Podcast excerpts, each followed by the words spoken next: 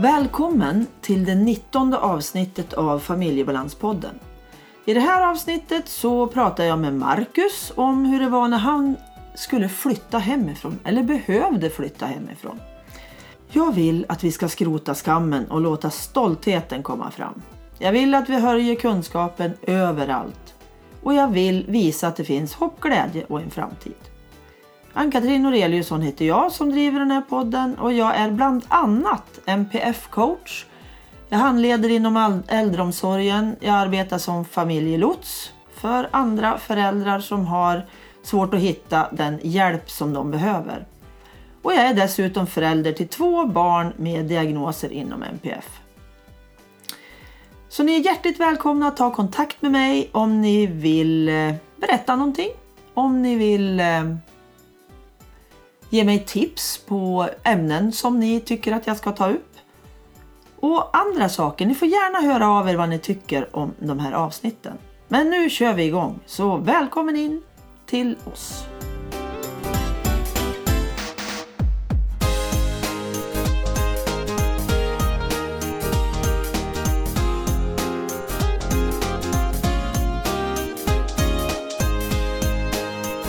Hej Mark! Hejsan! Idag så har jag tänkt att vi ska prata om när du flyttade hemifrån. Mm. Det misstänker jag att du kommer ihåg en hel del av också. Ja, det tror jag. För det var ju så här att eh, jag ville att du skulle flytta hemifrån. Mm. Då har jag ju hört att då kallas man lite för örnmamman. När man tycker att barna ska flytta hemifrån att det är dags. Mm. För jag tänkte att eh, om du, du var alltså 20 år ska vi säga. Mm. Och jag tänkte att när vi gör vissa saker, eller väldigt många saker egentligen, så tar det ganska lång tid. Innan vi kommer till skott, till den saken som ska göras. Så jag tänkte att vi kommer att behöva ganska mycket tid på oss för att genomföra det. Så då börjar jag prata lite med dig om eh, vi skulle börja titta på lägenhet och sådär. Mm. Kommer du ihåg den tiden? Ja, en grej jag minns. Vi hittade ju någon lägenhet inne i stan, en etta, en hyresrätt heter det va? Nej, det var en, en, en bostadsrätt. Det var den? Ja. Ja. Och vi kom ju in dit och det var ju någon gammal tant som hade haft den. Så det första jag tänkte på det var väl, men usch, så här kan inte jag bo med de här gamla möblerna om det ska se ut så här. För då tänkte jag nog inte riktigt på det att eh, när man väl flyttar in i en lägenhet då tar jag dit mina egna prylar och grejer. Så, så det var väl lite av en... Eh, ja, det kom väl inte på tanken nästan att jag skulle flytta dit som om jag inte minns det helt fel. Eh, Jag minns också just det där när du sa för jag tyckte det var en jättegullig liten lägenhet och sådär. Och så du sa aldrig i livet, inte ska jag bo med de där möblerna. och då var det liksom stopp. Då kom vi inte längre med den lägenheten. Mm. Så sen så hittade vi en till i samma hus. Mm. Som eh, jag ville att du skulle följa med och titta på. Mm. Men då sa du Nopp. Mm. Jag tänker inte gå och titta på några mer lägenheter i det här äckliga huset. Så då var det kört. Men pappa och jag gick och tittade på den i alla fall. Mm. Men insåg att nej, har du sagt nej då är det nej. Och då fick vi ge oss. Och sen då så fick jag ju tips på en tredje lägenhet som var till salu. Det var någon som hade hittat, eh, någon av våra kompisar som hade hittat en som låg på en annan gata lite längre utanför centrum. Mm. Och då så introducerade vi den och du tittade på bilder där för den låg ute på Blocket. Mm. Kommer du ihåg när du tittade första gången på bilderna på nätet? Inte på bilderna, men jag har nog minne av att eh, vi var där och tittade och liksom var till lägenheten och kollade. Och jag minns inte hur jag kände och tyckte, men det var väl inte helt omöjligt tror jag. För vi tyckte att vi såg att det tändes någonting i dina ögon när vi var där inne. För när vi gick ut eller kom därifrån och åkte bilen hem, då sa du där vill jag bo. Och då var det liksom klart för våran del. Då spelade det ingen roll vad vi hade fått betala för den lägenheten. För att har vi hittat en lägenhet som du tycker ser bra ut och känns bra. Då är det bara att köra. Så vi budade på där så att vi fick den där lägenheten. Mm. Så det här var alltså 2010. Mm. Vi skrev på kont- köpekontraktet den 20 april. Och sen så påbörjades ju då en invänjning till den lägenheten. Så vi åkte dit, du och jag och pappa. Ja. Och då var det ju tomt där. Eller han lämnade bord och det fanns några små saker där. ja, han lämnade väl något ute på balkongen. Ja, Något sånt här, ah, vad heter det? Ja altanmöbler liksom. Ja. Och så något bord och stolar och... Ja, köksbord och stolar och så. Så det fanns ju någonting att sitta på. Och den var ju, han hade ju gjort i ordning den snyggt så det var ingenting man behövde göra. Jag tror inte jag rört en enda alltså, vägg eller målat eller någonting. Nej, den var Så den var ju jättefin. perfekt. Ja, och det var dina färger dessutom. Ja. Du gillade allting. Så det var ju härligt. Och du hade ju liksom inga möbler då. Du hade ju din säng. Och så köksbordet då som han lämnade. Så att vi var ju där då ganska korta stunder från början. Mm. För du tyckte ju ofta att pappa och jag var jättejobbiga. Vi var en gräshoppssvärm ungefär. I mångt och mycket ja. Ja, för vi tyckte det var så himla kul. Och så skulle det, åh nu ska Marcus flytta och jättekul och bla bla bla bla. bla. Så vi var lite för ivriga i din smak. Mm. Så då vet jag att du bestämde att det var bara en som fick följa med dig dit. Mm. Vi fick inte komma både jag och pappa. För vi var lite för entusiastiska för att få följa dig. No. Så då bestämde vi så att det är du och någon av oss som åker dit när du ska liksom träna in dig där. För vi vet ju att det tar lite tid. Oftast i våran familj när vi ska liksom komma till något som ska bli beständigt och bra. Då får vi ge det ganska mycket tid. Så vi höll på så ända fram till juli. Och då började du känna att du ville vara där själv. Mm. Så att du tog med dig datorn dit tror jag. Har för mig vi började så att först var vi väl där tillsammans då tänker jag. Och sen så tog jag väl dit datorn så jag kunde ha någonting att göra där själv på dagarna. För du ville ju inte sova där ändå Nej. fast det har gått tre månader. Mm. För fortfarande ville du sova hemma och det var inte tryggt nog att vara där. Och det var jobbigt för du hade ju grannar och då fullt i det där huset. Ja, det var ju ovant med det och, och jag kände mig hela tiden liksom iakttagen runt omkring. Och att... Eh, ja, jag har ett minne som inträffade senare. Nu hoppar jag fram lite så får jag hoppa tillbaka sen. Ja. Men det var en incident när jag, det var kanske på natten någon gång, så höll jag på att rosta bröd. Så brandvarnaren i köket gick igång. Och jag fick ju panik och trodde att eh, hela huset skulle storma och banka på dörren och skrika och öscha. Men så jag slet ju ner brandvarnaren och slet väl ur batteri i halv panik. Men eh, det hände ju ingenting liksom. Men det var ju i min värld trodde jag att det skulle komma, hela huset kom och skrika. Men Ja, på den tiden var det ju faktiskt så att du var väldigt störd av allt som fanns utanför dina väggar. Även när du bodde hemma. mm, För första två åren i lägenheten sen då. Nu hoppar jag också fram lite grann. Men vi går tillbaka sen. Så var det ju så att eh, du var ju hemmasittare. mm, I fyra års tid satt du helt hemma. Först hos oss i Tunbyn och sen i din lägenhet. I två år. Mm, Och då hade du ofta persiennerna nere. mm, Och tyckte att det var jättejobbigt med om någon skulle se in och sådär. mm. Så hade du en granne som vart lite halvjobbig ibland. I lägenheten ja. Ja, i lägenheten. Precis. När han inte var nykter. Så var det någon gång han knackade på och... jo, han skällde på dig. Ja, jag vet inte, men han pratar väl genom brevinkast och... Ja, någon gång. Det var väldigt många sådana saker. Och för dig var ju det outhärdligt. Mm. Och känna alla de läskiga sakerna som hände. Och att du inte kunde styra över dem där. Och inte kände du ju de som bodde i huset heller.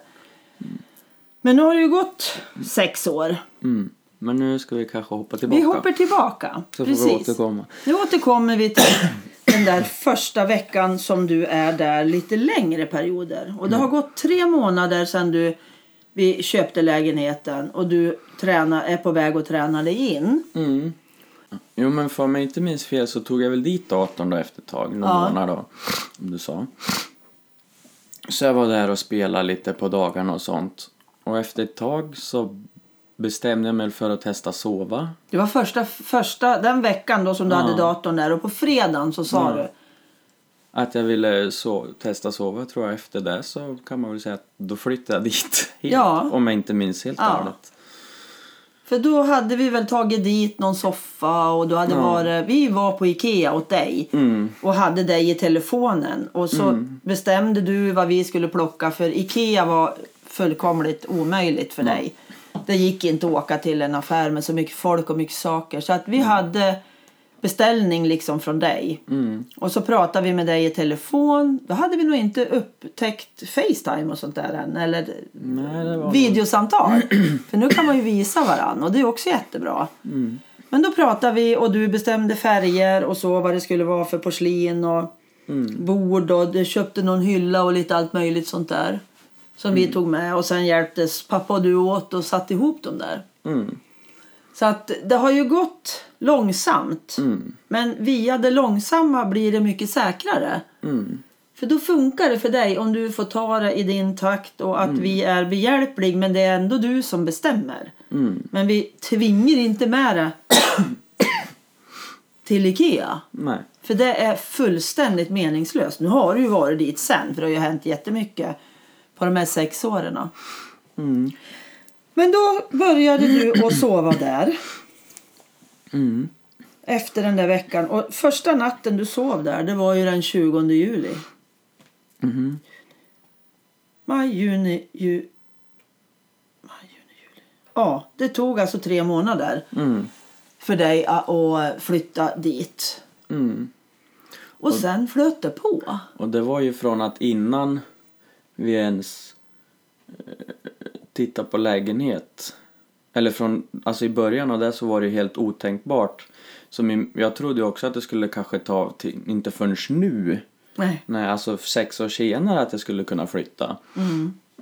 Men det, alla liksom som känner mig då eller vad man ska säga liksom vart ju förvånade och vi vart ju förvånade att det gick så pass lätt liksom. Ja, Det tror jag ingen riktigt hade trott. nej. Eller lätt och lätt ska jag väl inte säga men att det var- vart en sån att det gick mycket mycket snabbare än vad någon hade kunnat trott. Ja, precis. Just för oss, eller för dig, så var det ju snabbt ändå på tre månader. Och att även hitta en lägenhet. Mm. Jo, jag var ju lite orolig där när jag började fundera på att det var dags för dig att flytta. För då tänkte jag så här, om inte Marcus flyttar då kanske han blir kvar här hos oss och inte får möjligheten att frigöra sig från oss. För du hade ju haft jättesvårt att frigöra det från oss. För det var så tryggt med oss. Mm. Och jag kände att jag pallar inte att ha mina barn boende hemma tills de är kanske 30 år eller 40 år. Och då är jag närmare 100 nästan. Och jag tänkte nej det kommer inte att gå. Utan du måste flytta. Men det ska vara på ett sätt som passar dig. Det ska finnas ett boendestöd som stöttar dig. Du ska hitta andra människor som är, du kan bli trygg med. Så det inte bara är pappa och jag. Mm. För på den tiden så hade du inte någon direkt kontakt med Martina, din syster heller. Nej. Då var det bara pappa och jag. Och inte jättemycket pappa heller just då. Nej. Det var ju mer dig. Han kom in mer senare av olika omständigheter och så. Ja, precis. Så det var du och jag som var liksom allierade. Och det var det jag kände, vi måste töja ut så att du hittar andra människor i din omgivning. Och genom att du aldrig hade haft någon tonårsperiod och försökt slaga dig fri så behövde, då fick jag ta det ansvaret att nu ska Marcus knuffas ut ur boet men det ska vara på ett schysst sätt och helt på dina villkor. Mm. Fast det är jag som måste vara den där som puffar ut ur boet. Mm. Så då började vi, jag började kolla efter boendestöd. Hur det gick till och vad det fanns och sådär. Och det var ju ingen lätt bit att få till. Mm. Kommer du ihåg bland de första gångerna när, när För då fick ju jag vara med när du skulle träffa boendestöd och de skulle komma till dig. Ja, jag minns lite svagt att eh, ni gick ut och jag satt väl kvar inne och ni pratade eller någonting. Det var jobbigt minns jag i alla fall. Det var fruktansvärt jobbigt för dig. Mm. Och även för mig var det ju jobbigt såklart. Mm. För vissa gånger släppte du inte ens in oss. Nej.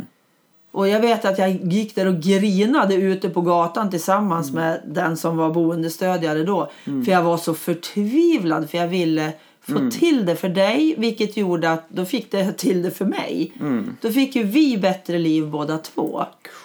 Så det var jättejobbiga perioder. Och från början hade du ganska mycket boendestöd. Mm. Då hade du tre gånger om dagen. Varje vardag. I alla fall någon period var det så.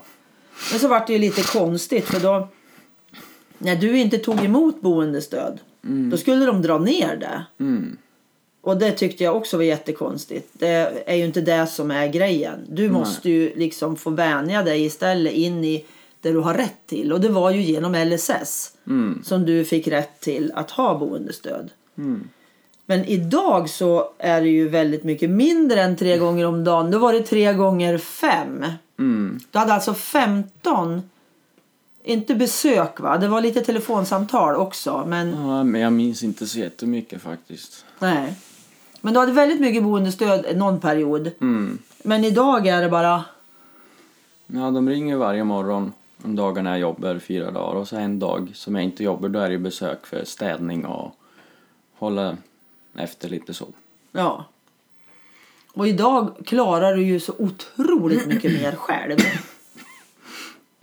än vad det var då från början. Ja, ja för nu även om inte tvätt och allt sånt görs på en gång så är det ju inte det att det blir eh, stökigt så utan det hålls ju efter.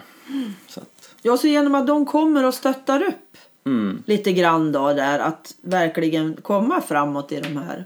mm, Vi pratade ju i något avsnitt om just den här med posten va?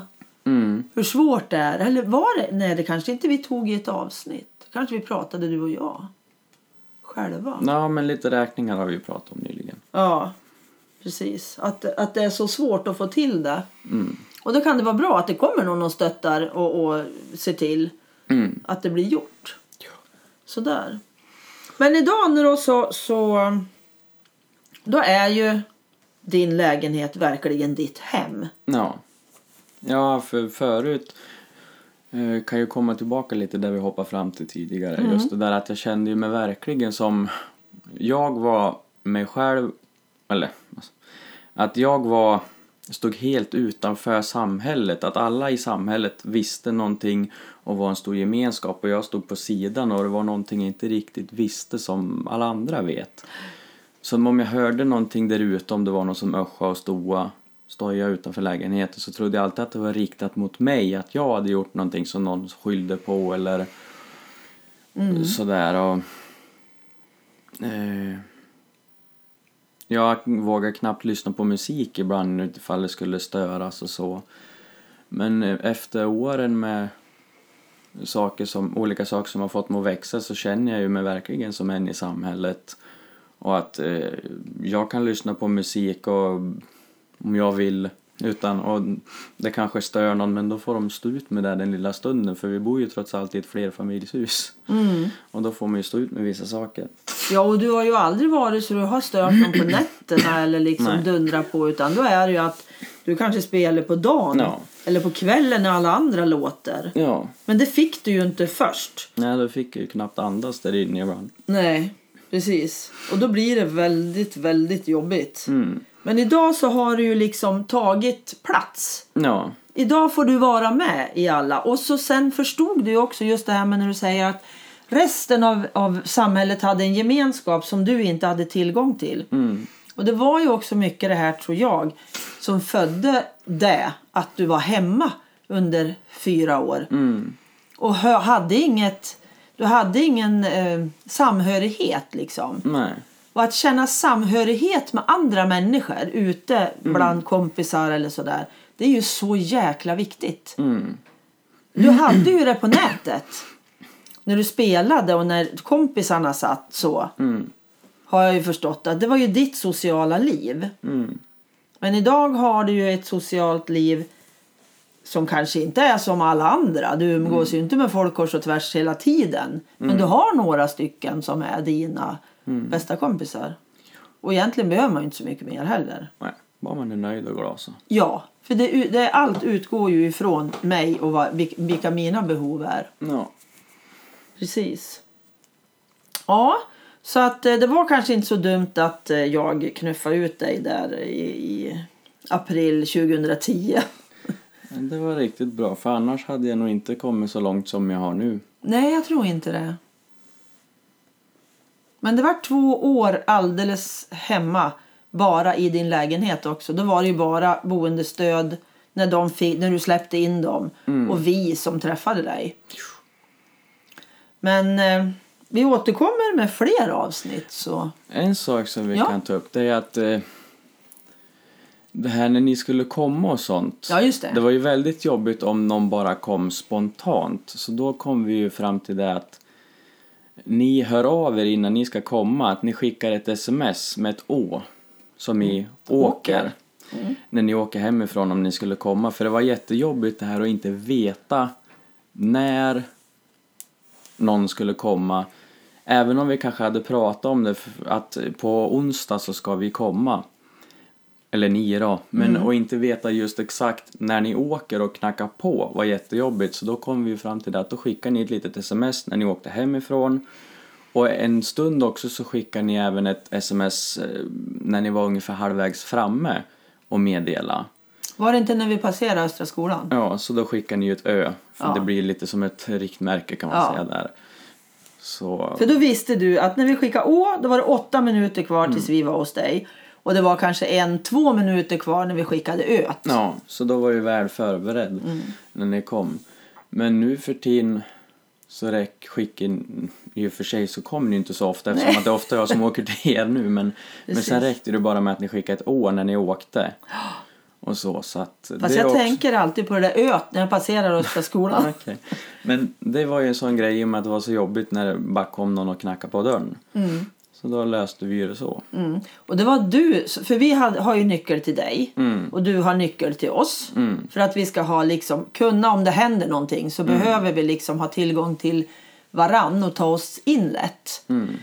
Och det var du som sa att du, vi fick absolut aldrig åka dit och, och bara ringa på eller låsa upp med nyckeln. Mm. Det var tabu, tabu. Ni får inte göra det.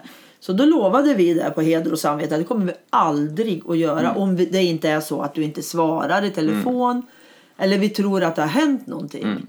Och det tar liksom två timmar och vi får inget sms tillbaka när vi har smsat dig. Mm. Då får vi åka dit och först ringa på. Öppnar du inte då så får vi låsa upp. Mm. Det är ju liksom säkerhetsgrejer också.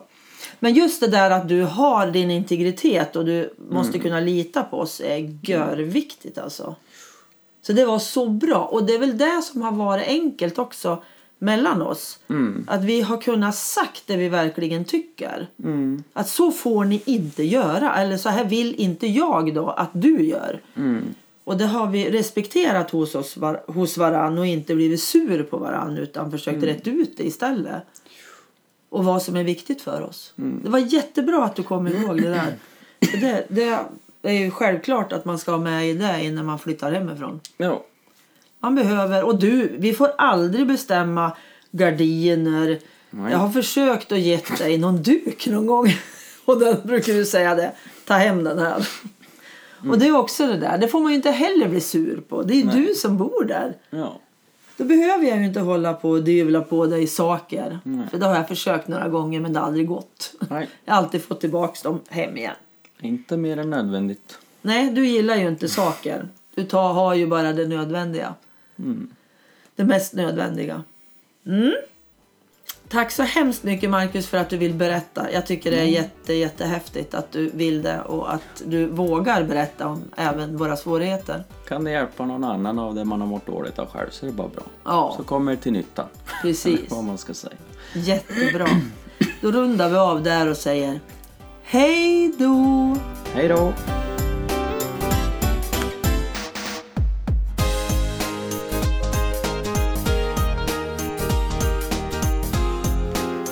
Tack till dig som lyssnat. Tack till Pelle Zetterberg för musiken, till Pernilla Wahlman som fotade, Marcus som fixar poddloggan och till Anders för att du redigerar mina samtal. Hoppas vi hörs igen. Jag har sagt tidigare att jag återkommer om två veckor men ibland blir det lite kortare och ibland blir det lite längre så att eh, ni får hålla lite koll på eller prenumerera så ser ni när avsnitten kommer. Och en mejladress till mig det är annkatrin familjebalans.se och du hittar mig även på min hemsida familjebalans.se. Tack så mycket och hej!